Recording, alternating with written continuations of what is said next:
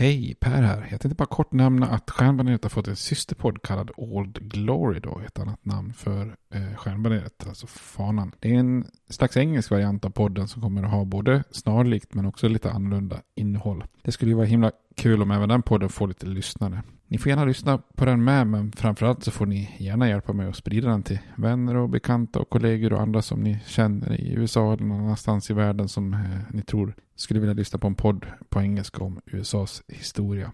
Tack, det var bara det jag ville säga. Nu kommer avsnittet. Hej då! Everyone knows therapy is great for solving problems, but getting therapy has its own problems too, like finding the right therapist, fitting into their schedule, and of course, the cost. Well, BetterHelp can solve those problems. It's totally online and built around your schedule. It's surprisingly affordable too. Connect with a credentialed therapist by phone, video, or online chat, all from the comfort of your home. Visit betterhelp.com to learn more and save 10% on your first month. That's BetterHelp H E L P. Hiring for your small business? If you're not looking for professionals on LinkedIn, you're looking in the wrong place. That's like looking for your car keys in a fish tank. LinkedIn helps you hire professionals you can't find anywhere else, even those who aren't actively searching for a new job but might be open to the perfect role. In a given month, over 70% of LinkedIn users don't even visit other leading job sites. So start looking in the right place. With LinkedIn, you can hire professionals like a professional. Post your free job on linkedin.com slash people today. Burrow's furniture is built for the way you live. From ensuring easy assembly and disassembly to honoring highly requested new colors for their award-winning seating, they always have their customers in mind. Their modular seating is made out of durable materials to last and grow with you. And with Burrow, you always get fast, free shipping. Get up to 60% off during Burrow's Memorial Day sale at burrow.com slash ACAST. That's burrow.com slash ACAST. burrow.com slash ACAST.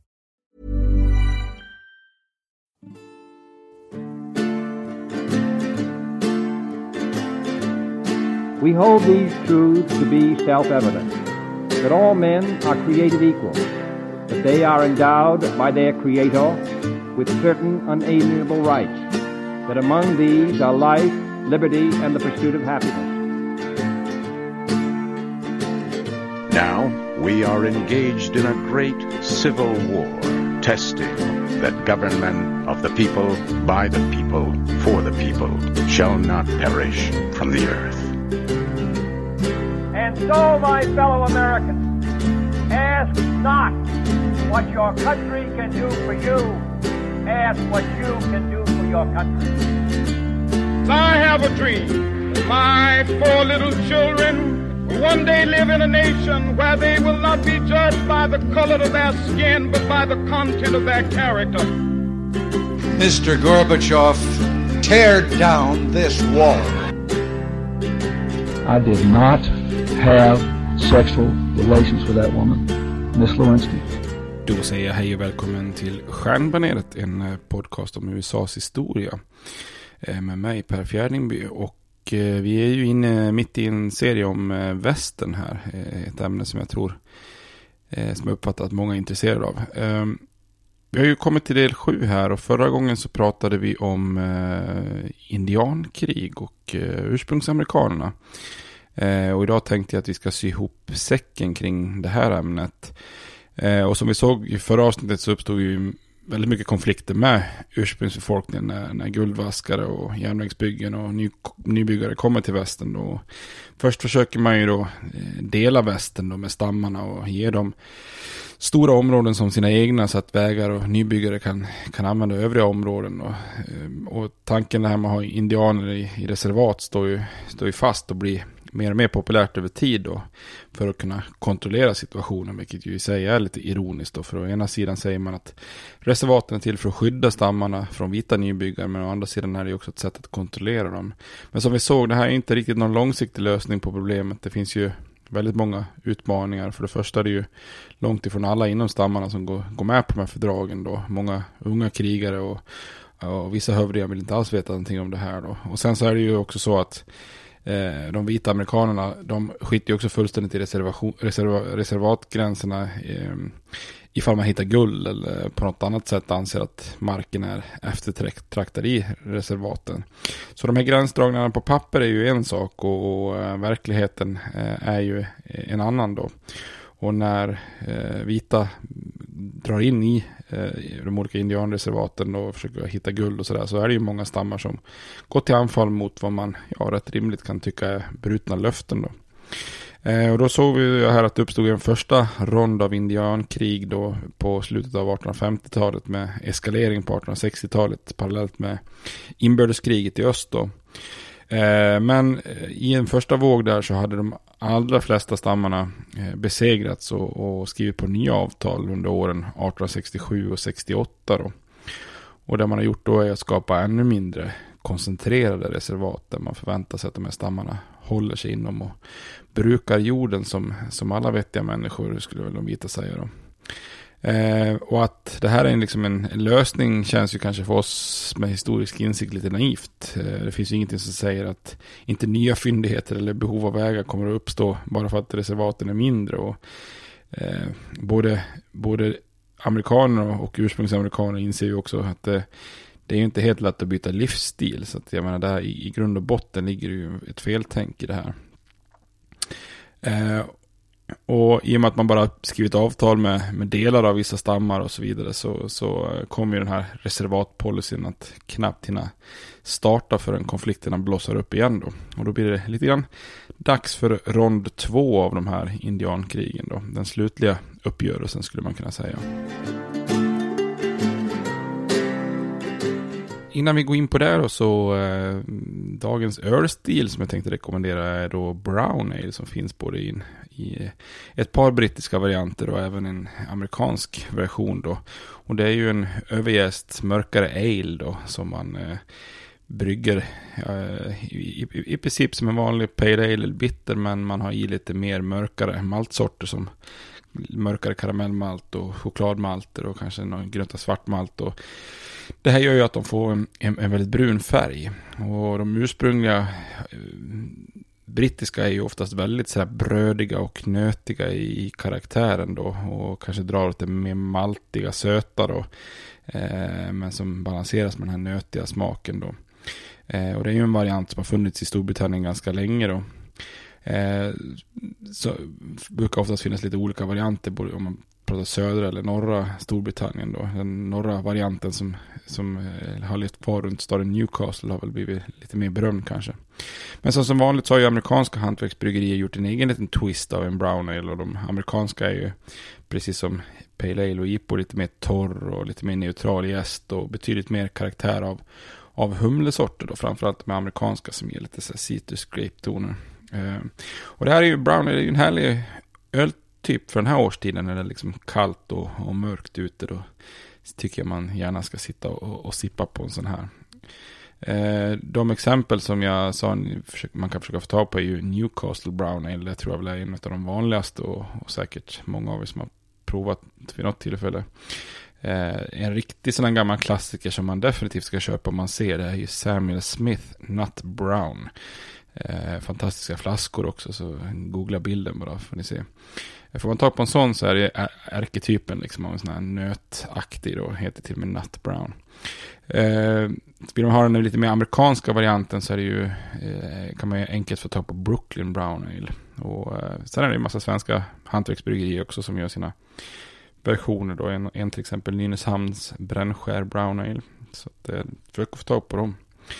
Eh, nästa avsnitt tänkte jag vi skulle prata om, vi pratade ju om IPA, India Pale Ale, den brittiska varianten tidigare. Jag tänkte att vi skulle prata om amerikansk västkust-IPA. Nästa avsnitt är ju den här kanske mer vanliga typen av IPA som man tänker på idag. Eh, man kan försöka få tag på själva originalet Anchor Liberty. Men eh, den kanske är lite svår att få tag på. Men eh, annars kan man satsa på Lagunitas IPA eller Brooklyn East India Pale Ale. Eller kanske någon svensk som eh, Poppels West Coast IPA som är riktigt fin. Eller Stigbergets IPA. Eller Oppigårds Indian Tribute som jag tror finns på de flesta systembolag.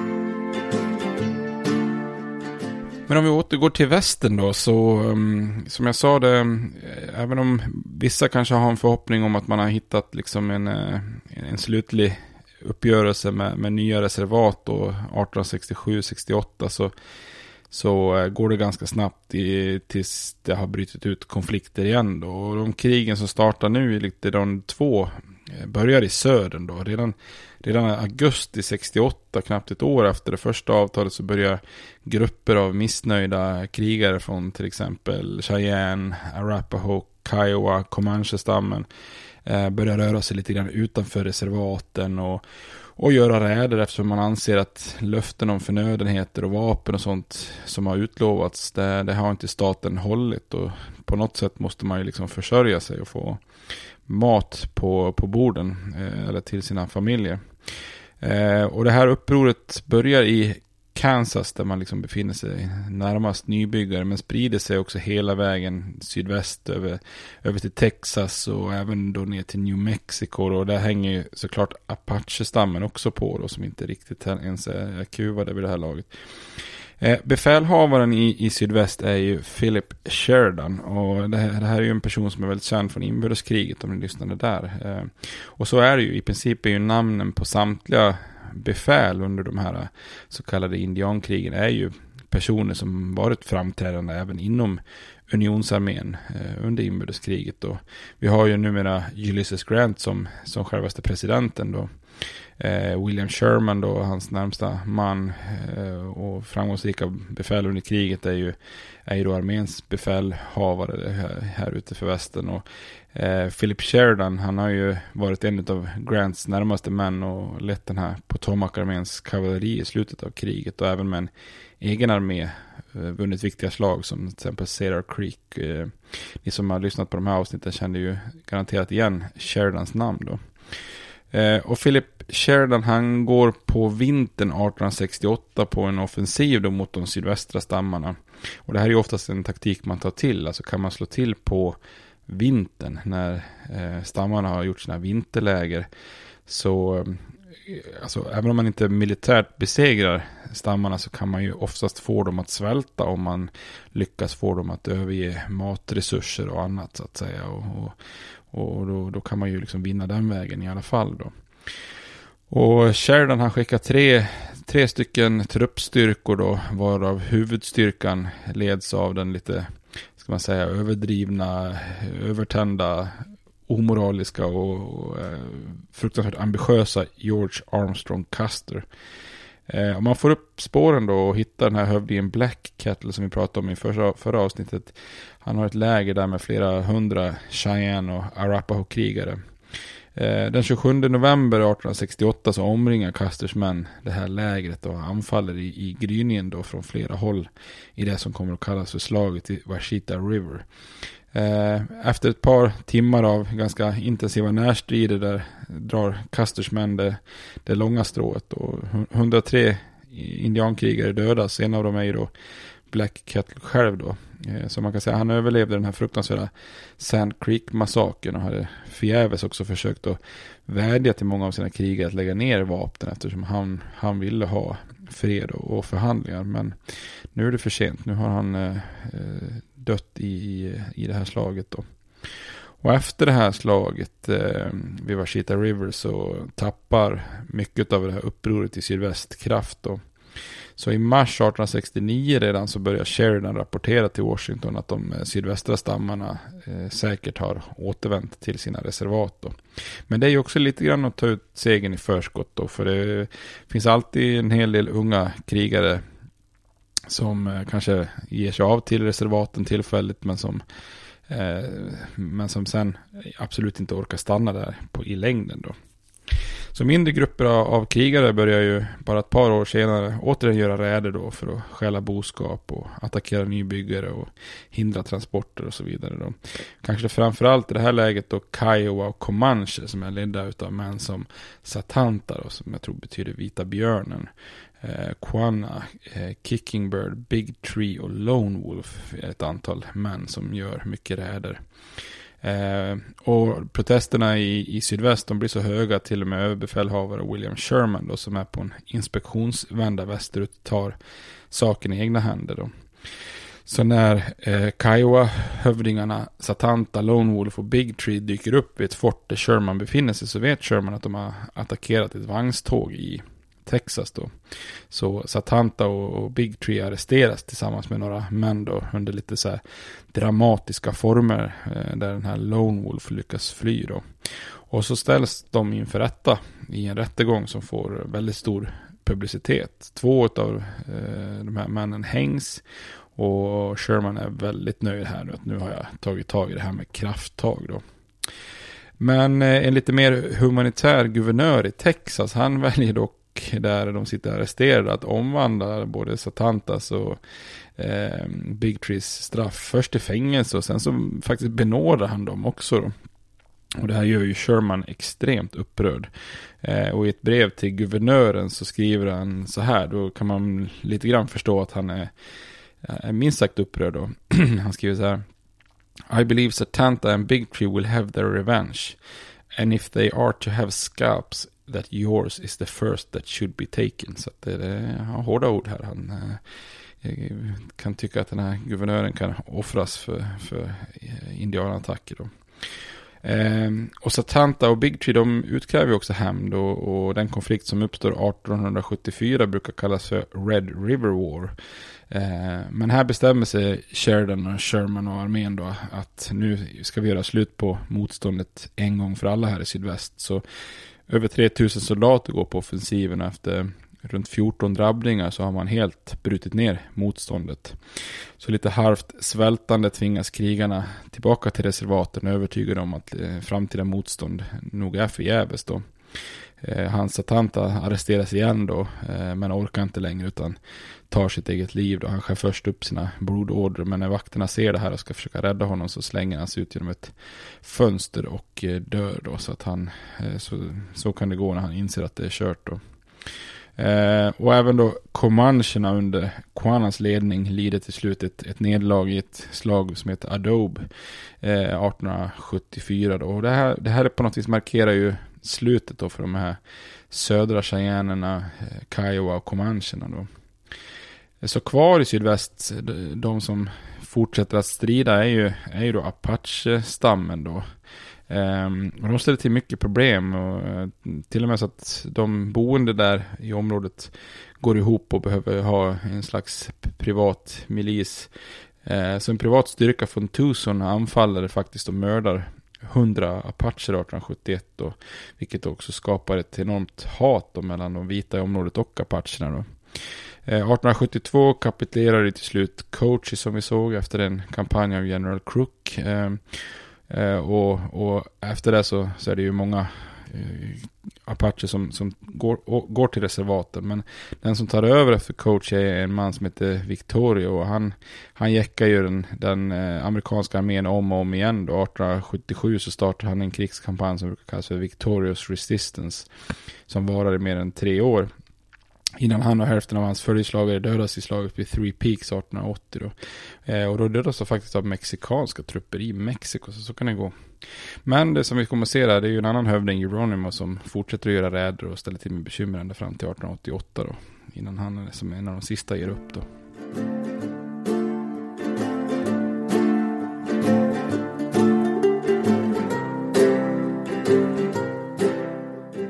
Men det var ju krigen i söder då. Om vi tittar på kriget, krigen i norr då så um, armén behövde ju också han, hantera stammarna i norr då. Framförallt Sioux-stammen då. Men även norra Cheyenne och lite andra. Eh, och den tidigare stora ledaren Red Cloud, han hade ju eh, Röda molnet, han hade bjudits in till Washington österut som ett sätt för amerikanerna att skryta. Och det fungerar faktiskt bra för den här Red Cloud, han ser ju liksom, alltså när han kommer österut och ser liksom den amerikanska eh, samhället och hur många man är och sådär. Så det tekniska framsteg så förstår han ju lite grann att, att den här kampen är nog mer eller mindre körd i det långa loppet då. Eh, men vissa andra ledare vägrar att ge upp kampen då. Och orsaken till att de här zoo-stammarna återigen går på krigsstigen är ju är flera då. Vissa zoo-ledare har ju liksom aldrig någonsin eh, gått med på en uppgörelse utan har ju levt och jagat fritt på ett sätt som myndigheterna redan från början ansågs vara ett brott mot de avtal som ja, just de här då aldrig har skrivit på. Eh, men även de som levde i tilldelade områden hade ju flera orsaker till att, att vara eh, upprörda. Och det är en enorm korruption på inrikesdepartementet som berövar dem väldigt mycket av de utlovade förnödenheterna. Det är ju en orsak då.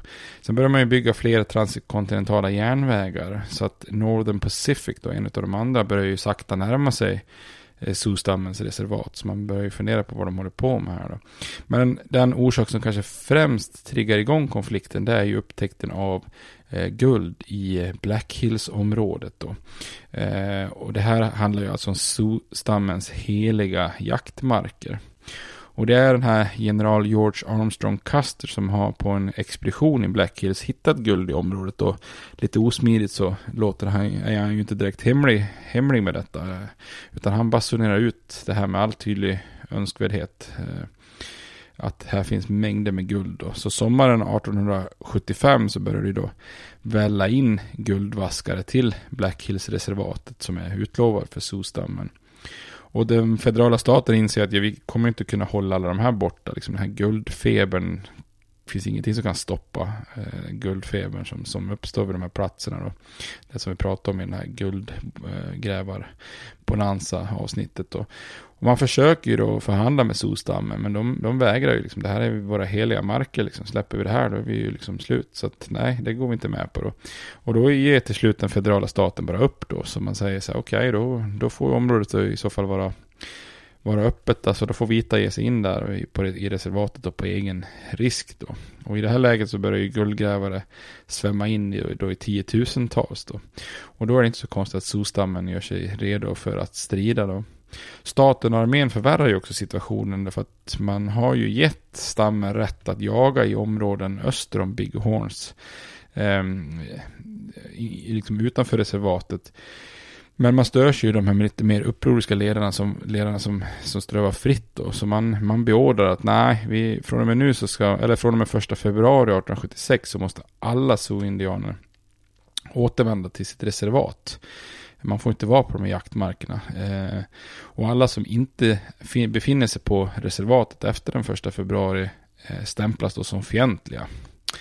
Eh, så att, och då är det ju två stycken solledare som, som eh, både tidigare och nu vägrar att sålla in sig i ledet och blir då en väldigt mäktig fiende till eh, den amerikanska staten då. Eh, det är den berömda medicinmannen och krigaren Sitting Bull, sittande tjuren, eh, från Hunkpapasu-stammen. Och den fruktade krigshövdingen Crazy Horse från Oglala-Su-stammen. Och de svär ju på att göra motstånd och, och gå på krigsstigen. Eh, Sitting Bull förklarar för några ledare som, som ville kompromissa att the whites way may get me at last, as you say, but I will have good times till then. You are fools to make yourselves slaves to a piece of fat bacon, some hardtack and a little sugar and coffee. Hardtack, det är ju alltså armés, arméns skorpor då. Och i ett tillfälle när man vill förhandla med Sitting Bull om att köpa mark så säger han I want you to go and tell the great father, som han då kallar presidenten, great father, that I do not want to sell any land to the government. Sen tar han, böjer han sig ner, tar upp en näve med jord eh, och lägger lite symboliskt till not even as much as this. Så han, eh, han, han tänker inte sälja ens en näve utav jord till, till den federala staten då. Så det är ju väldigt eh, kraftfullt. Man får säga att eh, Sitting Bull är lite ett kommunikationsgeni i det här läget. Och än en gång då så får ju Sheridan rycka in med armén då. Han skickar armén till området och tre styrkor ledda eh, utav George Crook, eh, Alfred Terry och John Gibbon då. Alla tre männen är ju, är ju kända från eh, inbördeskriget där Crook ledde bland annat en brigad i det avgörande slaget vid Antietam 1862. Gibbon var ju med i slaget vid Gettysburg till exempel. Och den här Alfred Terry, han leder trupperna som, som, ehm, som, som, som ska följa efter den här indianstyrkan till en början då. Och, och, i juni så har de kommit fram till en plats som, som kallas för Little Big Horn då, där han misstänker att det finns ett, ett läger av, av lite blandade stammar då. Och hans plan är då att en styrka under George Armstrong Custer ska göra en båge runt lägret för att liksom spärra av deras flyktväg medan Terry själv då med huvudstyrkan ska anfalla då. Och den här planen är väl ganska sund i, i grund och botten om man skulle besegra de här stammarna. Eh, men den misslyckas framförallt av en orsak då, och det är den här dumdristige Custer då. Eh, Custer brukar beskrivas som en, eh, vad ska man säga, en omogen person som älskar att göra allt dramatiskt och som hela tiden törstar efter uppmärksamhet och bekräftelse. Han har säkert varit en junkie på sociala medier om han hade levt idag då. Och han har en enorm ambition som gör att han liksom kan gå över lik för att avancera inom armén då. Eh, många mis misstänker att han en vacker dag hoppas att han ska kunna bli president själv då. Det blir inte heller bättre av att han är extremt noggrann med sitt utseende och kläder och kunde kännas igen då på långt håll för sina långa, ljusa, lockiga hår då. Och som sticker ut utanför hans liksom stora sombrero. Eh, indianerna kallar ju Custer just för det långa håret. Eh, eller då på grund av de här brutala metoderna han har för squaw killer och squaw är ju eh, indiankvinna. Eh, antagligen var han ju heller, Castro heller inte riktigt i balans just inför det här slaget då. Ehm, därför att eh, han har vittnat mot president Grants bror i en utredning kring korruption gällande indianaffärer. Så Grant har offentligt tillrättavisat Custer. Och det här är ju såklart något som har tagit hårt och sårat, han, sårat hans eh, prestige och eh, ambitioner. Vi pratade ju en hel del om det i något avsnitt tidigare här om Grants presidentskap. Det är ju väldigt förknippat med massa korruptioner och sånt där. Då. Så att här ser man liksom hur, hur allting hänger ihop. Öst och väst, nord och syd. Eh, och den här kändistörstande Custer, han var ju antagligen ivrig på att återställa sitt rykte då. Och hoppas att han ska kunna återupprepa sin tidigare triumf då. Eh, I det här slaget i Vashita där han besegrar indianerna genom att omringa lägret då. Så när han närmar sig det här Sioux-lägret vid Little Big Horn så övertalar han sig att ah, det är nog bättre att vi anfaller, eller att jag anfaller direkt då. Så att inte Sitting Bull och Crazy Horse kan smita undan. Jag kan nog inte vänta på Terry och huvudstyrkan då. Så när de kommer fram här så lär han ha sagt Hurra boys, we got them, lär han ha sagt. Låter, låt, liknar lite så som de sa när de hittade Saddam Hussein. Ladies and gentlemen, we got them. Um, ehm, så han delar helt enkelt upp sin styrka på 265 man i två kolumner. Då. En, han leder själv en kolumn. Det är lite folk liksom bakom dem, för de håller trossen då. Och sen är det en styrka under Marcus Reno som, som då ska anfalla på morgonen den 25 juni 1876 då. Och det här är ju ett idiotiskt beslut att inte invänta förstärkningar. För problemet är ju att han, han har ju inte scoutat detta så bra. Han har ju inte stött på något mindre solläger där. Utan han har ju eh, stött på en form av huvudläge för en indiankoalition på över 2500 krigare. Och det här är kanske den största koncentrationen av indiankrigare någonsin i, i västern då. Med en massa fria grupper av Sioux-indianer, Cheyenne-indianer och Arapaho som har gått samman då inför bisonjakten eh, 1876 och för att kunna då försvara sig mot de vita. Så även eh, om han verkar liksom ha överraskat lägret, Custer, så är han ju hopplöst numerärt underlägsen. Eh, och istället för att själv omringa fienden så blir ju då Custers egna kolumn ganska snabbt omringad här. Så på bara några timmar är det över då i det här slaget vid Little Big Horn då. Eh, samtliga i Custers eh, grupp, inklusive honom själv, dödas ju där och då. Eh, just där och då kunde inte eh, indianerna hitta Custer bland de stupade. De letar ju efter hans långa hår här. Och man tror då här att antagligen har han låtit kapa sitt hår när han förstör, förstår att det är kört. Så att de inte ska kunna hitta han och eventuellt tortera honom då. Och på andra sidan slagfältet så lider den här Reno eh, ganska stora förluster han med då. Men han lyckas omgruppera sin styrka då i en stark position och, och hålla ut under natten då. Och sen så räddas han ju av att den här indiankrigarna drar sig tillbaka när de märker att eh, Alfred Terry och den här huvudstyrkan börjar, börjar närma sig då. Och här kan man ju fundera på, alltså Custers omdöme borde ju verkligen ifrågasättas då. Men istället så blir han snarare liksom så här berömd och en odödlig eh, legend. Eh, istället för att kalla det för, för slag eller strid så kallar man det lite romantiskt för Custers Last Stand. Eh, och det här piskar upp en form av hatvåg över landet och att man måste hämnas för, för Custers död. Då. Eh, och Little Big Horn-slaget visar ju lite grann att ursprungsamerikaner kan, kan ju besegra USAs armé i strid. Men i, men i längden så är en seger som den vid Little Big Horn inte något som liksom förbättrar deras situation, utan snarare tvärtom då. Man kan säga att Custers last stand blir i praktiken Sioux-stammens last stand då. Eh, och i den här Sioux-stammens främsta militära seger så ligger liksom grunden till, till deras egna undergång då. Eh, för nu skruvar armén upp insatsen och driver de här upproriska Sioux-indianerna eh, österut och de tvingas hela tiden fly. Och typisk situation för de här indiankrigen är ju att zoo-krigarna kan vinna slag och strider och de är väldigt effektiva i liksom mer grillaaktiga strider, och snabba räder. Men, men de kan liksom inte vinna hela kriget mot en, en armé som liksom sätter dem under konstant press och till slut liksom bryter ner och svälter dem. Då. Eh, och de är ju skickliga att gömma sig då, men vid ett tillfälle gör de ett misstag här och anfaller ett vagnståg som är på väg till General Terry då, vilket lite grann avslöjar vart de har sitt läger. Eh, och då lyckas armén eh, omringa dem och, och 3000 Sioux eh, fastnar i en fälla då och tvingas kapitulera den 31 oktober 1876 då. Eh, mindre grupper förstår ju att kampen eh, är över då och börjar ta sig tillbaka till reservatet där de förväntas vara då. Eh, så bara några månader efter slaget vid Little Big Horn så är, så är kampen mer eller mindre över då. En av de som vägrar ge upp är Sitting Bull eh, och en grupp närmast honom då. De flyr faktiskt hela vägen norrut upp till Kanada eh, och där han hoppas på att de ska möta lite eh, schysstare myndigheter. Men dessvärre är inte brittiska myndigheter speciellt intresserade av att husera dem heller. De är väl lite rädda för att det skulle i så fall kunna bli någon slags praxis och de vill liksom inte ärva hela eh, indianproblemet från, från USA söderut.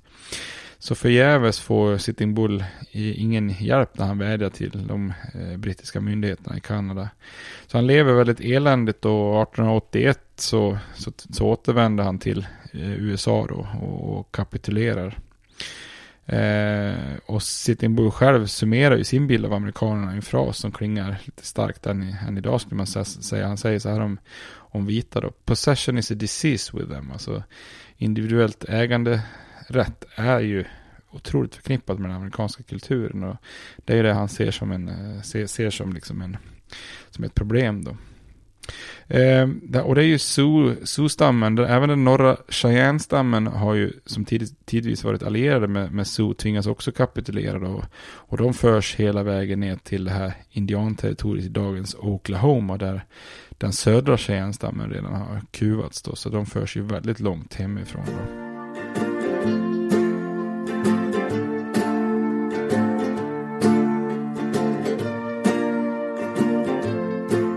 Och segern över eh, Sioux-stammen är i princip slutet på de här indiankrigen i, i väst. Eh, sporadiska uppror bland mindre grupper under korta perioder sker visserligen, men Eh, där man, liksom, ja, man lämnar sitt reservat en stund och härjar och så. Men armén har ju nu oftast eh, ett övertag och kan ofta snabbt jaga ifatt dem och återföra dem till reservaten. Då. Det finns ju några viktiga exempel man kan nämna av de här sporadiska utfallen. Då. Eh, bland annat är det ju en grupp eh, bland de här norra cheyennerna som under hövningen Dullknife, den, alltså den trubbiga kniven, flyr Eh, och tar sig norrut tillbaks till sina kära jaktmarker i norr då, i slutet av 1878. Men kavalleriet jagar ju ikapp och besegrar dem. 1877 är det också en, en stam, Nez Pers-stammen i Oregon som under sin eh, hövding Joseph gör uppror i fyra månader. Och då straffas man hårt också då. Istället för att återföras till sitt gamla reservat i nordväst så förs, man ju, förs ju stammen till det här indianterritoriet i Oklahoma då, där många väldigt snabbt dukar under av, av sjukdomar som malaria och sånt där man inte är van med klimatet. Då. Eh, de mest envisa upprorsmakarna är ju apacherna i sydväst där flera grupper och ledare hela tiden avviker från reservatet och gör räder och ställer till med eh, bekymmer då eh, i sina hemtrakter i New Mexico. Eh, och den kanske mest kända av de sista är ju Geronimo som med sina följeslagare flyr in i Sierra Madre-bergen då. Två gånger fångas han in och tvingas tillbaka men han fortsätter hela tiden att fly då. Eh, han försöker ju lura både amerikanska och mexikanska myndigheter genom att hålla sig nära gränsen. Och så korsar han gränsen fram och tillbaks då så att inte de efterföljande arméerna kan, kan, kan fortsätta följa efter honom då. Men till slut i, i september 1886 så fångas han i Skeleton Canyon. Eh, när, efter att ha jagats av över 5000 soldater eh, utsända av eh, general Nelson Miles, då en veteran från inbördeskriget eh, som, som deltog i både Antietam, Fredericksburg, Chancellorsville. Eh, och Miles hade gett sina befäl order om att fånga Geronimo även om det sker på mexikansk mark. Så nu, nu ska man ha honom då. Och Geronimo är väl en av de allra sista som, som ger upp då. Han och många andra apacher hålls länge som fångar hela vägen österut till Florida under en period. Då, medan barnen placeras på en skola i Alabama. Eh, familjerna får sedan återförenas och han bor i en period i Alabama. Det är lite oväntat där. Geronimo bor i Alabama. Så att, i, eh, men sen så flyttar han till Oklahoma och bor i, i reservatet då. Och han blir ju förhållandevis gammal, 80 år blir han. Han dör 1909. Så han deltar ju på många olika mässor och utställningar vilket gör att han blir en slags eh, kändis i samtiden. Det är kanske därför som många man känner igen namnet. Och vid några tillfällen så uppträder han i en sån här eh, så kallad Wild West show som vi kommer att prata mer om sen. Eh, och när Theodore Roosevelt ska installeras som president 1905 så deltar han i en parad klädd i krigskläder och en massa fjädrar och målat ansikte och så vidare. Så att, eh, ja, han är lite en showman och kändis på slutet av sitt liv Då kanske därför som Geronimo är så pass känt eh, namn då bland alla, alla hundratals eh, viktiga hövdingar som har funnits då.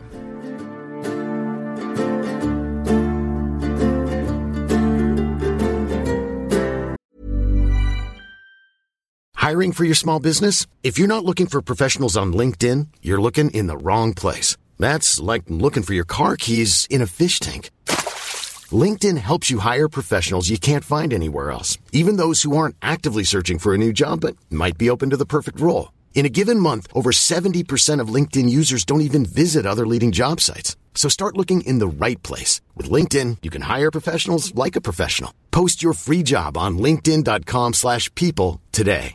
Everyone knows therapy is great for solving problems, but getting therapy has its own problems too, like finding the right therapist, fitting into their schedule, and of course, the cost.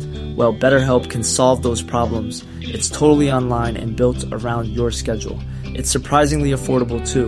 Connect with a credentialed therapist by phone, video, or online chat, all from the comfort of your home. Visit betterhelp.com to learn more and save 10% on your first month. That's BetterHelp, H E L P.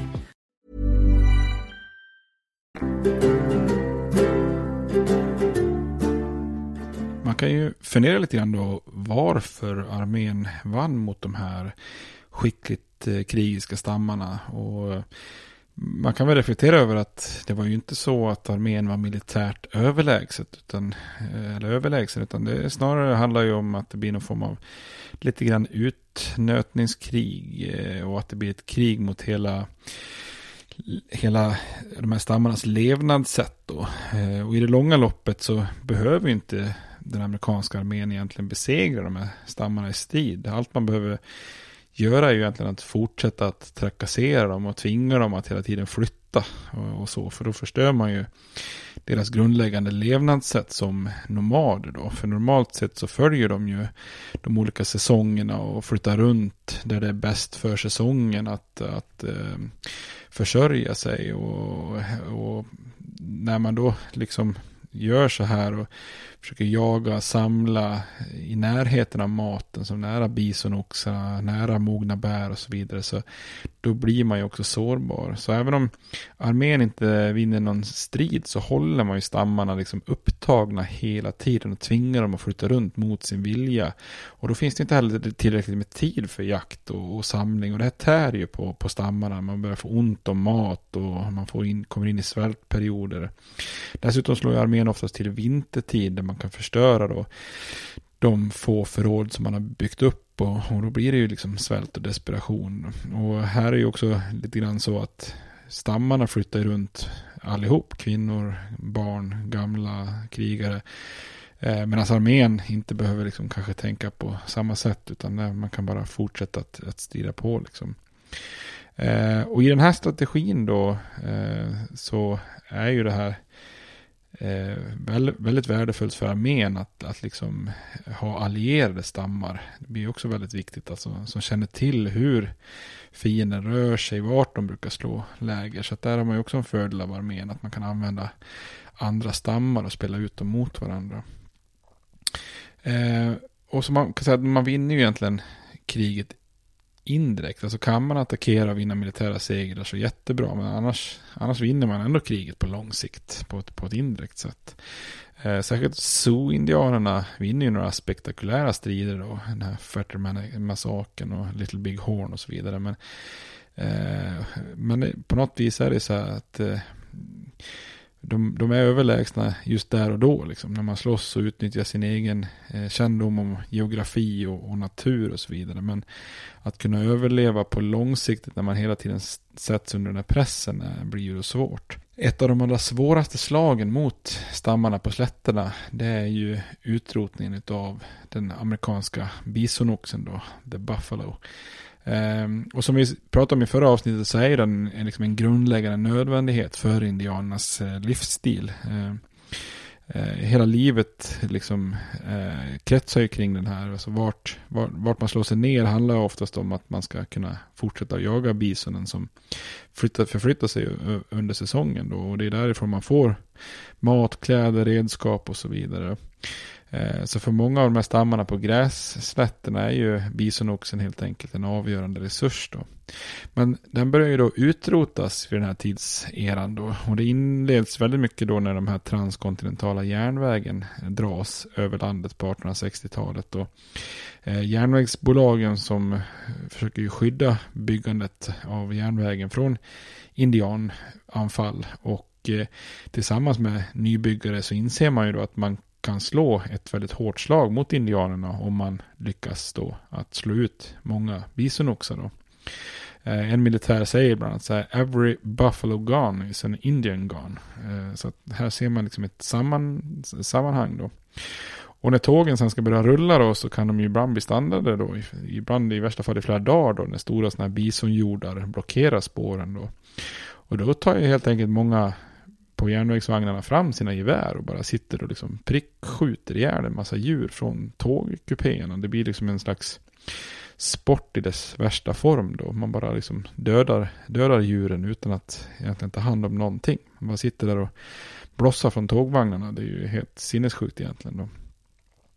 Men i början av 1870-talet upptäcker man då dessutom att eh, sådana här bison Bisonläder kan vara en värdefull produkt då. Eh, och därmed uppstår också en slags professionella jägare som, som jagar då miljontals djur. Eh, och, och, det enda de egentligen tar tillvara på är just själva pälsen eller huden då. Inte som, som ursprungsamerikan, att man tar hand om allt. Eh, och eh, finns det många jägare som där runt. En av de mest kända jägarna heter ju William F. Cody då. Han blir ju mer känd som just Buffalo Bill då. Han är ju väldigt skicklig på att ta koll på sådana här bisonoxar och jaga hud.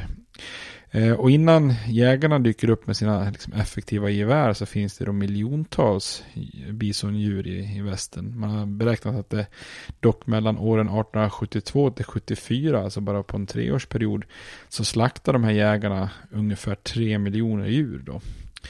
Eh, och det finns ju bizarra kort där, där vissa jägare sitter, liksom, man har byggt liksom, en hel pyramid av eh, skallar, liksom, eller, en, eller också en hel hög av, av hudar då, eller pälsar. Så man sitter liksom långt upp i luften här. Det kan ni googla på. Eh, om ni, tittar, om ni googlar på Buffalo hunting så, så kan man se sådana här kort. Då. Så det, det innebär ju att beståndet av den amerikanska bisonen minskar extremt fort. Och här är återigen en sån här tydlig grej med västern då att det går, det, allting som sker, oavsett om det är gruv, gruvor, eh, rancher eller om det är bisonjakt så blir det väldigt snabbt präglas av någon slags eh, bolagiserad kapitalistisk variant av det amerikanska samhället som, som direkt övernyttjar resurser. Då. Eh, och här är det då bisonoxen som, som får stryka på, stryka på foten att den resursen försvinner väldigt snabbt. Då. Så redan 1883 då, i slutet av de här indiankrigen så är ju bisonoxen, den amerikanska där, eh, i princip nästan utrotad då. Så man gör, en, man gör en vetenskaplig expedition som ska kartlägga djuret just det här året, 1883. Och trots att man drar runt enormt stora avstånd i, i västern så hittar man egentligen bara 200 djur i det här läget. Eh, och det blir, lite, det blir så illa så att när, när den federala staten 1913 skulle ta fram ett, ett eh, mynt som man kallar för Buffalo Nickel. Ett slags eh, sam, samlingsmynt då. En, en nickel, ja 17 nu står det still här, det är väl 5 cent helt enkelt. Ja, en dime 10. Det är alltså ett eh, jubileums 5 cents mynt. Och det slutar om att den som ska designa det här myntet 1913 får bege sig till Bronx Zoo i New York för att hitta en bison och rita av. För den, den finns liksom inte vild.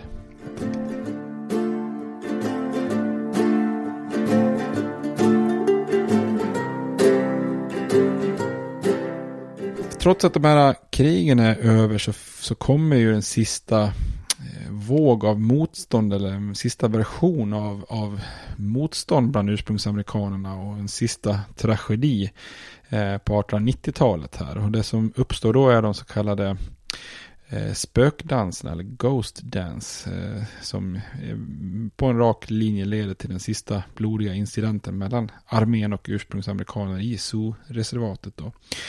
Och det är då en, eh, en schaman som heter Vovoka som får en, en vision helt enkelt. En, en slags profetia där han säger att stammarna kommer att vinna mot den vita mannen. Eh, bara man gör den här Ghost Dance, den spökdansen.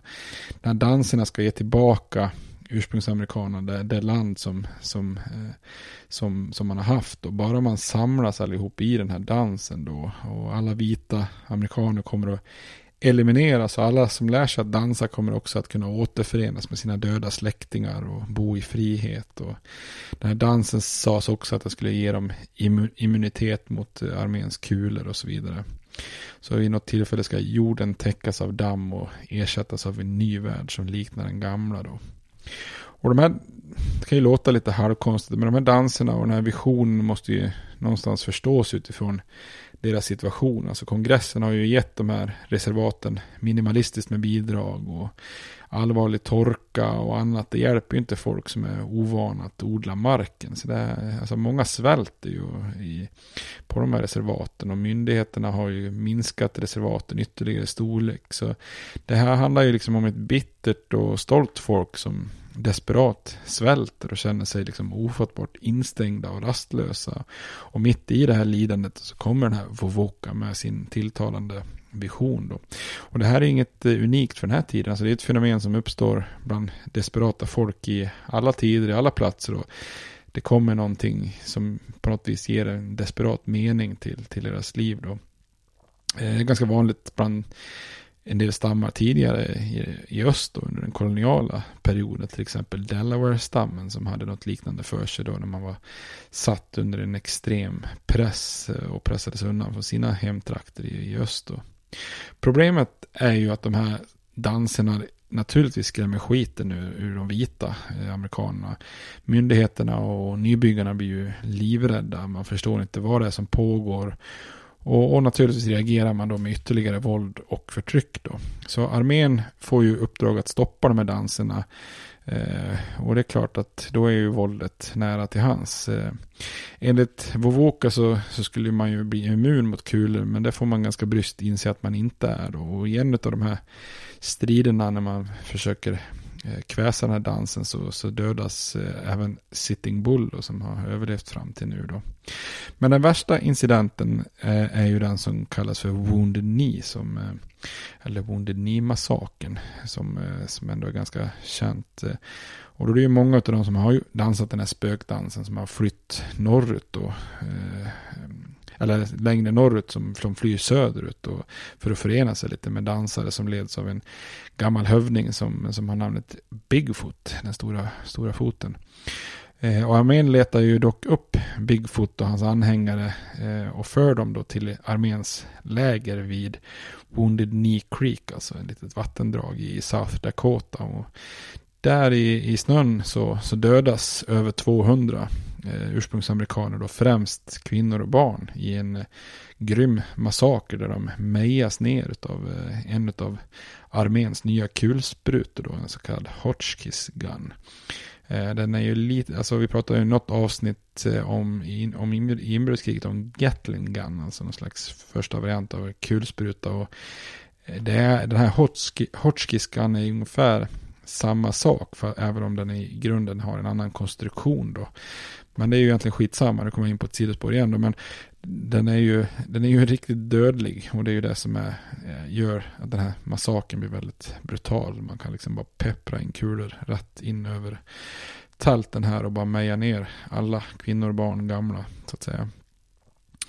Och general Nelson Miles då som sköter mycket här i väster vid den här tiden är ju väldigt upprörd över sina underbefälsagerande här. Han skrev, skrev om Wounded Knee till sin fru då. Han skrev att det här eh, the most abominable criminal military blunder and a horrible massacre of women and children. Och efter sin karriär stred faktiskt eh, Miles för att eh, överlevarna skulle kompenseras då.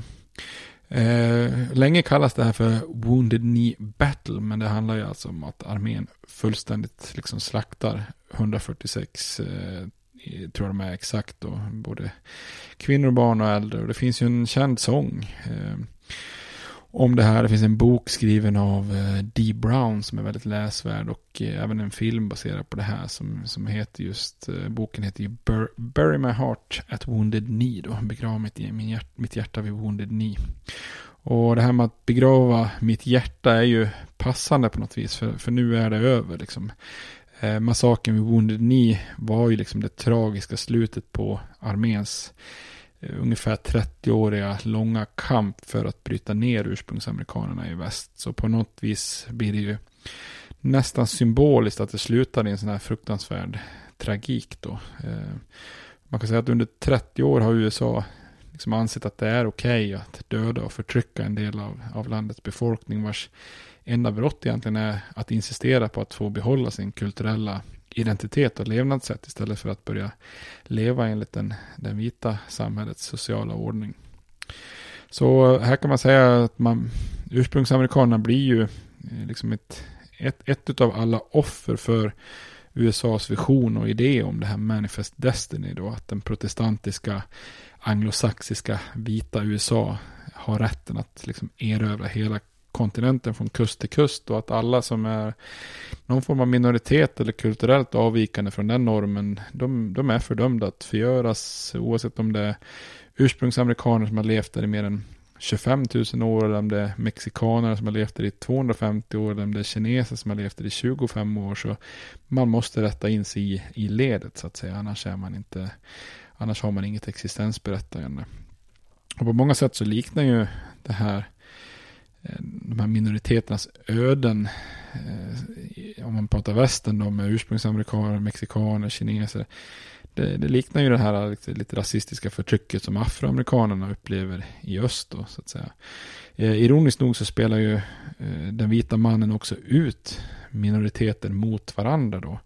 Bland arméns scouter som var ovärdeliga då i jakten på de olika stammarna under krigen finns ju då eh, ursprungsamerikaner från stammar som till exempel eh, seminoler och arikaner som har kuvats tidigare då, eller crow och pony som tidigare då kuvats av zoo-stammen då, som gärna, gärna hämnas på, på Sioux-stammen då, som var eh, en farligare fiende, ansåg man då, än de vita då. Och idag, idag finns ju en slags, eh, vad ska man säga, pan-indiansk identitet där, där ett sånt här beteende, att man skulle kunna hjälpa då armén mot en annan stam, skulle ju naturligtvis ses som någon form av förräderi mot sin, mot sina egna, mot sina egna då. Men vid den här tiden så, så var ju verkligen lojaliteten till sin klan eller stam eller språkgrupp då.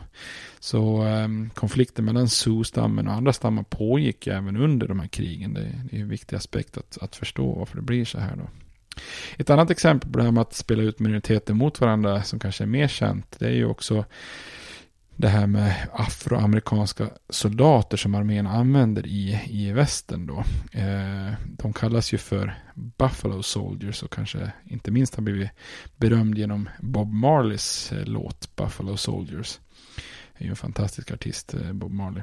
Eh, efter inbördeskriget så valde kongressen 1866 att behålla vissa sådana här afroamerikanska förband eh, som vi pratade om under inbördeskriget och låta dem då strida mot eh, ursprungsamerikaner i väst på samma sätt som de kämpat mot eh, de konfedererade i, i södern då. Och två av de här afroamerikanska kavalleriregementena i väst, då, som kallas för det nionde och tionde regementet, var väldigt framgångsrika. Då. Eh, det är ju egentligen ursprungsamerikanerna som kallar dem för Buffalo Soldiers då på grund av sitt eh, liksom krulliga hår och så som de tyckte påminde om bisonpälsen då. Eh, och de här Buffalo Soldiers deltog ju i patrulleringsuppdrag hela vägen från Rio Grande-gränsen i söder mot Mexiko eh, till gränsen mot Kanada i norr. Då. De, eh, de eskorterar transporter, jagar tillbaka eh, olika stammar till reservaten, strider framgångsrikt mot vissa stammar, bland annat i det här Red River-kriget som vi pratade om. Och de var till och med med också när Geronimo till slut fångades då, så för sista gången. Då. Eh, och de här soldaterna var ju konstant diskriminerade. De fick oftast de sämsta hästarna, de sämsta vapnen, de sämsta förnödena. Men trots det så var det ändå lätt att rekrytera de här afroamerikanska soldaterna. Eh, och de hade betydligt lägre frånvaro bland eh, i, sina regementen än, armén i övrigt. Och det, det är väl ett tecken på att armén trots allt erbjöd mer frihet och dignitet än samhället i övrigt för afroamerikaner. Om man tittar på hur det såg ut i södern till exempel. Så det kanske ändå var det bästa alternativet trots att man fort, fortfarande var diskriminerade så att säga.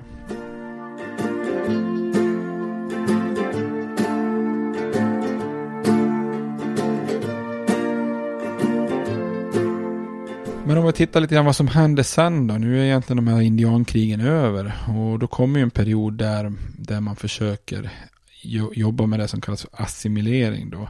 När samtliga ursprungsamerikaner tvingas till reservaten och övergett sin nomadiska livsstil så liksom problemet är ju inte löst. Alltså hur ska de här två raserna så att säga leva tillsammans och vad ska hända med ursprungsamerikanerna? De är visserligen kuvade men vad, vad händer nu då? Och på 1870 och 80-talet så inleds då det sista steget i den federala eh, indianpolicyn då. Och det är ju det här assimilering då. Ursprungsamerikaner ska assimileras in i samhället med hjälp av utbildning, kristnande och individuellt markägande. Eh, det kommer en viktig bok 1881 då, som är publicerad av Helen Hunt Johnson som heter A Century of Dishonor. Och det är ju då en bok som kritiserar armén och staten för hur ursprungsamerikaner har behandlats. Ja, det hör man ju på, på namnet då, A Century of Dishonor. Eh, så Hunt motsätter sig då våld och tvångsförflyttningar och blir ju en viktig del av en reformrörelse av humanis eller humanit humanitärer som vill eh, på något vis hjälpa ursprungsamerikanerna. Då. Men problemet med den här reformrörelsen och eh, Helen Hunt eh, bland annat är ju att eh, lösningen bortanför våldet är ju trots allt att man ska assimileras in i det amerikanska samhället. I, i klartext så är det att ursprungsamerikaner måste bli vita då. I reservatet så ska man omvandlas till att bli amerikanska kristna jordbrukare. Eh, man tänker så här, ja men indianer är vilda hedningar, de måste på något vis civiliseras då. Och den här policyn bygger någonstans på en devis som, som är väldigt vanlig då på den här tiden. Man säger helt enkelt Kill the Indian, save the man. Alltså man måste få ut vilden ur människorna eh, för att liksom kunna rädda, rädda personen som, som är en vanlig civiliserad människa. Då. Och det här är ju väldigt många goda intentioner på något vis. Men man, man förstår ju inte bättre. För det blir ju väldigt sorgligt också. Även om det till och med liksom är, är med hårda nyper då. Så ser man det trots allt att det ändå är för deras eget bästa. Och det här bygger på en enorm okunskap och oförmåga att överhuvudtaget se något värde i, i den kultur som ursprungsamerikanerna hade då, som, som är så himla olik den egen då, egna. Då. Ehm, och ett av problemen med att kombinera eh, liksom reservat med assimilering är ju såklart att själva assimileringen i sig försvåras ju när man tränger ihop alla indianer i reservat isolerade från det samhället som de faktiskt ska integreras i. Då. Eh, och ett viktigt första steg med den här assimileringspolicyn det är ju att man slutar förhandla fördrag med stammar som separata nationer då. För, eh, och när, när stammarna liksom tappar i juridisk betydelse då försvagar det ju också hövdingarnas maktställning. Så det är ju ett första steg då. Ett annat andra viktigt steg i den här assimileringen det är ju utbildning. Man tar helt enkelt barn och unga ursprungsamerikaner från sina familjer och sätter dem på sådana här boarding schools eh, där de bor och ska utbildas. Och där ska de ju då få utbildning utifrån eh, vit kultur då. Det finns ett antal kända sådana här skol, skolor då, eh, indianskolor som de kallas för. Carlisle Indian School i Carlisle, Pennsylvania eller Haskell Institute i Kansas där. Och då när de här ursprungsamerikanska barnen kommer dit så klipper de ju naturligtvis direkt av deras långa hår. Man får bära västerländska kläder. Man ska prata engelska. Förbjuds naturligtvis att, att ägna sig åt ceremonier och danser och, och språk som, som tillhör den, den tidigare kulturen då. Ett tredje steg i den här assimileringen det är ju individuellt markägande. Eh, ända sedan Thomas Jefferson beskrev det amerikanska idealet av liksom självägande fria bönder på 1700-talet så hade utgångspunkten i, i, amerikansk vit kultur varit att amerikaner som äger sin mark kommer också bli då ansvarsfulla och självständiga medborgare. Eh, 1887 så röstade kongressen igenom Dawes Act, eh, kallades det Henry Dawes från eh, Massachusetts. Och president Grover Cleveland skriver under den här lagen. Och det är ju en lag som kanske är en av de mest genomgripande förändringarna då för många ursprungsamerikaner. Eh, det man gör då är att de här indianreservaten delas upp i mindre markbitar. Familjeöverhuvudena fick 160 acres då, alltså lika mycket mark som den här kända Homestead Eh, lagen då. Eh, singelvuxna får 80 acres och, och, barn får 40 acres. Och när alla ursprungsamerikaner har fått sina markplättar så kunde ju den federala staten lämpligt och smidigt kunna sälja av resten av reservaten till vita nybyggare. Och, och det här kan man säga, det här är ju verkligen den sista spiken i, i kistan för, för livet som en stam. Nu finns liksom inget eh, område som man liksom förknippa med stammen, utan nu är, nu är man liksom då på individuellt äganderätt. Och tanken bakom det här är ju naturligtvis att då gör, skapa små, småskaliga jordbrukare av ursprungsamerikanerna då, eh, som bygger på det europeiska kulturen och synsättet. De måste lära sig att arbeta för sig själva på privat egendom. Då. Och, och det här är ju svårt då, för det här går ju emot hela kulturen bland ursprungsamerikaner. Dels att man inte kan äga mark på det här sättet, eh, men också liksom att man inte, eh, som stam har man agerat som ett kollektiv. Att man liksom så här agera så här utifrån ett egen intresse på min lilla markplätt, det liksom ligger inte heller i deras eh, kultur. Och där får ju många sorgliga och ironiska aspekter naturligtvis. Och tanken var ju att göra dem självförsörjande, men men det misslyckas ju så brutalt så att det blir staten som får ta hand om dem. Alltså, de blir ju liksom i princip bidragstagare liksom, eller man, man måste få federalt stöd för att, för att liksom lyckas. Då, så att man får inte alls den här självförsörjande delen av befolkningen som man tänker så. Dessutom utnyttjas de ju väldigt snabbt. Deras markägande minskar otroligt snabbt. För de förstår inte poängen med det här med att äga mark och jordbruk och spekulant, spekulanter utnyttjar naturligtvis situationen då och både luras och köper snabbt de bästa markerna då till, till vita nybyggare istället. Då. Eh, och den största ironin kanske ja, ja, är ju att den, den enormt stora delen av mark man tar ifrån ursprungsamerikanerna sen senare kommer att visa sig vara rätt värdelös. Alltså det går inte att odla som man hade hoppats på då. Det går inte att överleva på den här jorden då. Kommer vi komma in på mer i, i kommande avsnitt då. Så att det här är också ironiskt att man kunde lika gärna fått behålla de här markerna. En fjärde åtgärd för assimilering det är ju att ta ifrån ursprungsamerikanerna deras traditioner och kulturella uttryck och prylar. Och, och mycket förbjuds ju då både på indianskolorna och, och även i reservaten men också i samhället i övrigt då. Eh, och det här är ju någonting som gör att man, man, man, har ju som avsikt att försöka snabba på processen att assimilera indianerna på något vis då. Och eftersom myndigheterna har koll på stammarna till exempel i början på reservaten så kan man ju i princip tvinga dem till, till vad som helst då. Eh, 1884 förbjuder man exempelvis Zostammens soldans som är en av de mest grundläggande aspekterna i, i deras kultur här. Jag tror faktiskt jag såg de gjorde en soldans när jag var på High Chaparral i somras. Det var ju fint. Eh, en annan sak som förbjuds är ju traditionen att bevara en bit hår från en avliden person och bära locken under ett år då. För att sedan i en ceremoni släppa taget då så att deras själ kan frias då. Ja, och det är också helt sjukt. Att förbjuda den traditionen, det är ju ungefär som att man skulle förbjuda, förbjuda begravningar för kristna vita då, så att säga.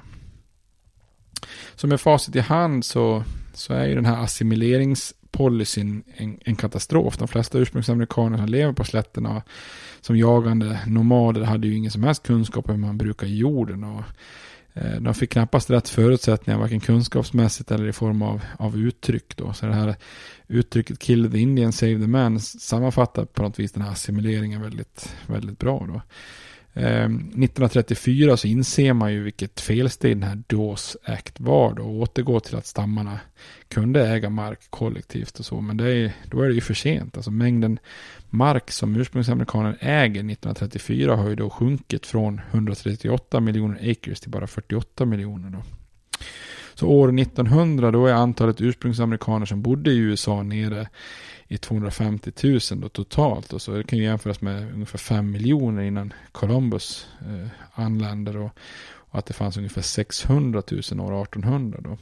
Och de flesta lever då tyvärr då i någon slags misär i de gamla res reservatmarkerna då. Mycket präglas av fattigdom, alkoholproblem, arbetslöshet, eh, kulturellt förvirrande eh, och tanken var ju att den federala staten skulle göra dem självförsörjande men istället blir det liksom en minoritetsgrupp som staten får försörja. Och från att ha ägt och styrt liksom en hel kontinent så är man liksom totalt besegrad.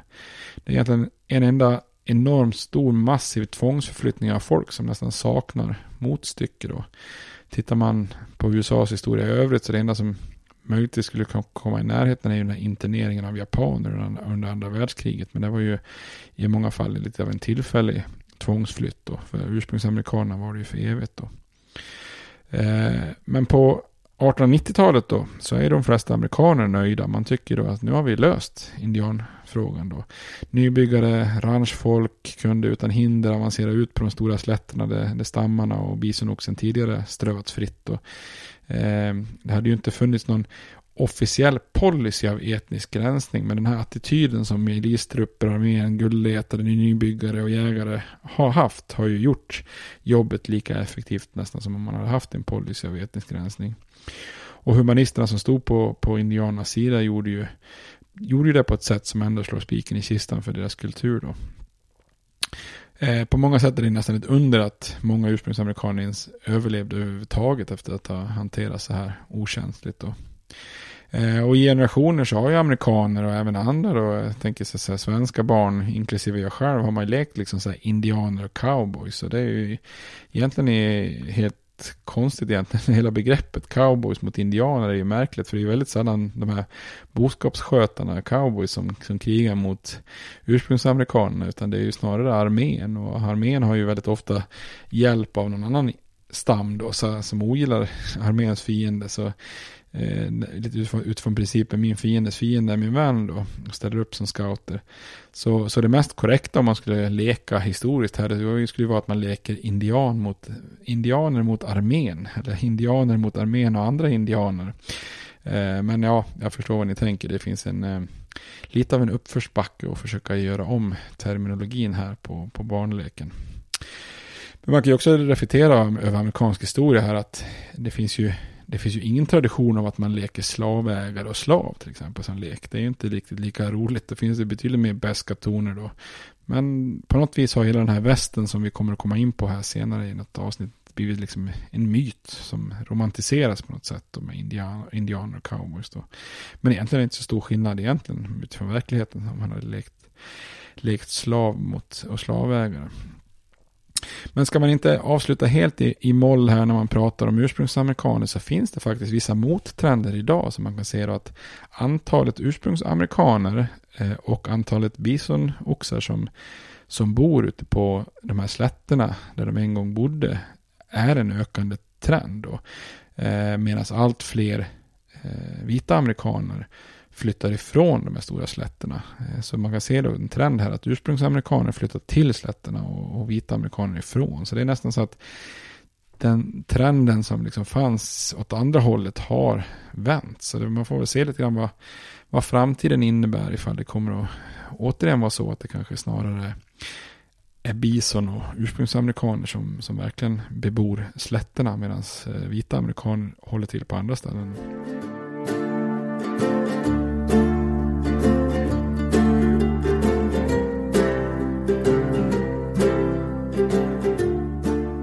Man kan också göra ett par nedslag i ursprungsamerikaners eh, kulturella arv och se hur, hur den lever vidare. Ett, ett väldigt bra exempel är ju under andra världskriget när armén behöver ett kodspråk som här ska vara omöjligt för någon att knäcka då. Eh, Japan eh, knäcker ju hela tiden amerikanska koden då.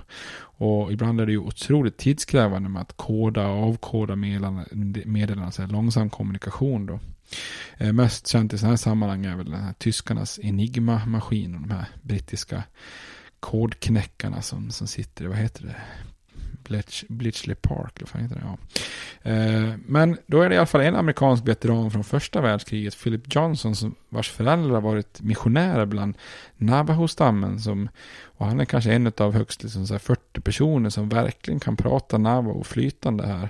Eh, och han inser liksom att man skulle kunna ly lyckas övertala myndigheterna att det här Navajo-språket skulle vara perfekt för krypterade meddelanden. Därför att det här språket har ju aldrig någonsin skrivits ner och det pratas liksom i flytande form av, av bara ett fåtal. Då.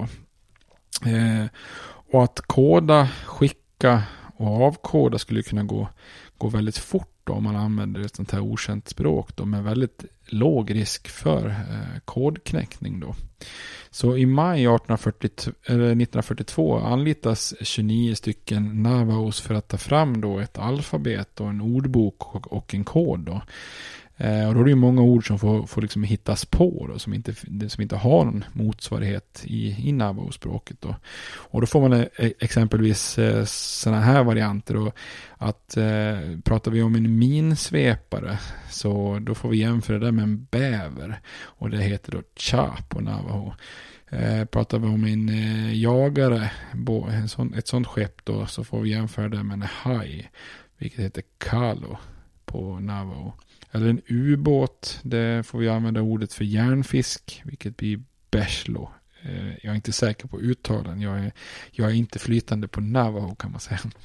Eh, men till slut så har man då anställt eh, och tränat upp då över 400 Navajo-indianer som då får liksom lära sig sitt eget alfabet, eller man ska säga, eller memorera de här ordboken och de här kodorden då. Och det här blir väldigt framgångsrikt. Japanerna lyckas aldrig knäcka den här koden.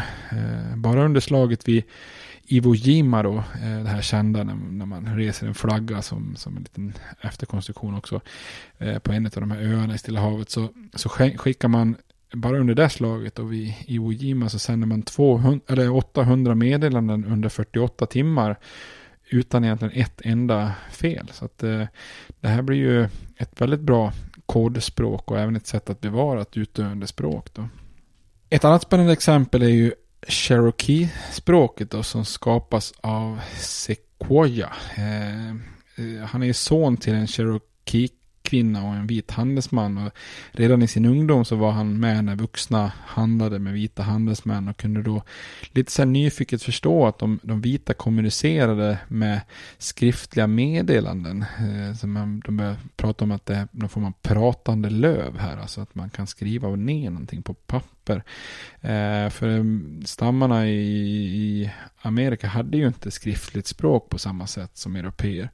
Och han förstår ju kraften i det här och, och då bestämmer han sig för att jag ska banna mig göra ett skriftligt Cherokee-språk då.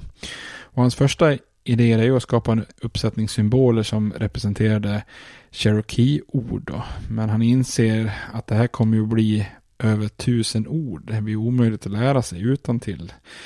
Så då får han liksom tänka om där. där. Efter det så börjar han utgå ifrån fonetiken, alltså hur man formar ljuden då. Och, och skapa någon form av symboler för de viktigaste språkliga ljuden istället. Och lite mer som, som vårt alfabet. Ehm, um, 1821 så har han skapat då ett alfabet som består av 86 stycken Cherokee-bokstäver. För han bor själv i dagens Arkansas vid den här tiden. Men 1822 besöker han en del av eh, Cherokee-stammen som stannat kvar öster om Mississippi-floden då innan de tvångsförflyttas. Så det här är första gången som alfabetet kan provas. Så det blir en stor succé då. Eh, de flesta Cherokee eh, i Cherokee-stammen blir läskunniga och stammen skriver till och med en egen konstitution. Och 1828 börjar man ge ut en tidning då, Cherokee Phoenix, som är den första tidningen bland ursprungsamerikaner någonsin då. Och under kommande årtionden av liksom då tvångsförflyttningar och annat så kunde ju då olika delar av Cherokee-stammen fortsätta ha kontakt med varandra genom sitt skriftliga språk. Då. Eh, och när samtliga då tvingas till dagens Oklahoma då, då blir ju han Sekuja själv då, han blir ju en, en viktig ledare där. Och, och Cherokee-stammens skriftliga kunskaper ger ju dem lite av ett försprång och fördelar när man tvingas liksom anpassa sig till, till det amerikanska levnadssättet när det gäller sådana saker som att registrera landrättigheter och, och liknande. Så att eh, 1928 så hyllas han för sin insats under ett besök i, i Washington och numera finns det faktiskt en staty eh, av honom i självaste Kapitolium då, där, alltså där kongressens eh, sammanträdesbyggnad man kan ju också reflektera över hur, eh, hur sent ursprungsamerikaner också blir eh, ansedda vara liksom fullvärdiga medborgare som, som får rösta och sånt, och sånt där. Man är verkligen sist på, på, de, på, på liksom någon form av hierarki i det amerikanska samhället. Där um, I en lagstiftning som, som tas 1924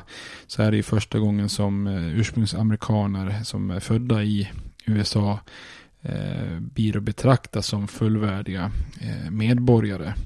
Eh, det är i tidigare, liksom, om man pratar självständighetsförklaringar och Bill of Rights och annat, liksom, och konstitutionen, så, är ju, så räknas aldrig ursprungsamerikaner in i, i det här. Då. Och även om femtonde tillägget som, som kommer 1870 egentligen gav alla medborgare rätten att rösta så, var, så, så hjälper ju inte det då 1924 eftersom väldigt många delstater, eh, att upp till delstaten att bestämma eller man kan hindra minoriteter från att, att rösta. Det pratade vi väldigt mycket om i, i avsnitten kring afroamerikanernas eh, Eh, historia där under rekonstruktionen och den nya södern där på samma tidsera här, slutet av 1800-talet. Då. Så eh, på något vis blir det inte förrän alltså 1948 börjar delstater som New Mexico och Arizona ta bort hinder från att för, för ursprungsamerikaner att, att rösta. Då. Men eh, egentligen är det inte förrän 1965 som som eh, den här Voting Rights Act kommer som eh, viktig för afroamerikaner. Men också ytterligare lagstiftning så sent in på 70-talet som, som gör att eh, man verkligen bekräftar att ursprungsamerikaner har, har rätt att rösta. Så att man är, man är sist, sist på banan, sist som, som, som amerikanska med, medborgare, vilket ju är ganska ironiskt eftersom det är det några som är ursprungsamerikaner så är det ju ursprungsamerikanerna helt enkelt. Men då har vi gått igenom eh, den, den, här delen av, av västerns historia som eh, kanske är en del som man förknippar väldigt mycket med västern då. De här eh, konflikterna mellan den amerikanska staten och nybyggare och gruv, gruv eh, Eh, vad heter det, guldgrävare och så. Och ursprungsamerikaner och olika indianstammar. Och man känner igen de här namnen kanske. Little Big Horn och Sandy Creek och Wounded Knee och lite sådana där. Eh, lite hövdingnamn och sånt där. Men eh, jag hoppas att det har gett en liten bild av hur de här indiankrigen utspelade sig. Eh, då ska vi gå vidare i serien i nästa avsnitt, eh, de kommande avsnitten och titta lite grann på det här med cowboys och ranching och även då nybyggarbonansen då när man tar sig ytterligare västerut. För nu öppnas ju liksom västern upp här. När eh, stammarna har kubats så finns ju massvis med land som eh, människor kan ta sig till. Och nu finns ju den transkontinentala järnvägen och andra järnvägar som kan underlätta det här. Så att eh, här ska vi se hur, hur, hur den klassiska västen växer fram. Kanske blir ännu mer klassisk västern när vi pratar cowboys och, och nybyggare här.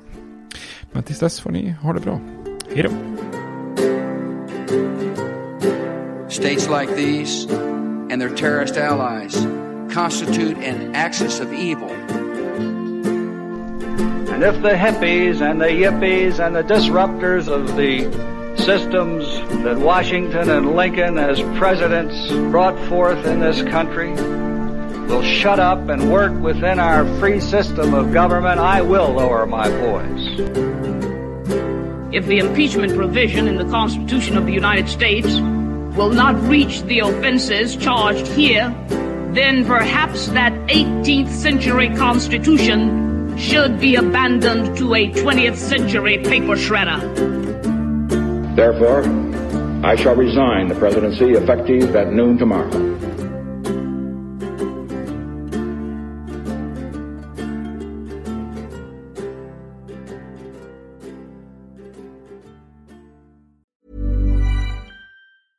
Planning for your next trip? Elevate your travel style with Quince. Quince has all the jet setting essentials you'll want for your next getaway, like European linen, premium luggage options, buttery soft Italian leather bags, and so much more. And is all priced at 50 to 80% less than similar brands. Plus, Quince only works with factories that use safe and ethical manufacturing practices. Pack your bags with high-quality essentials you'll be wearing for vacations to come with Quince. Go to quince.com slash pack for free shipping and 365-day returns.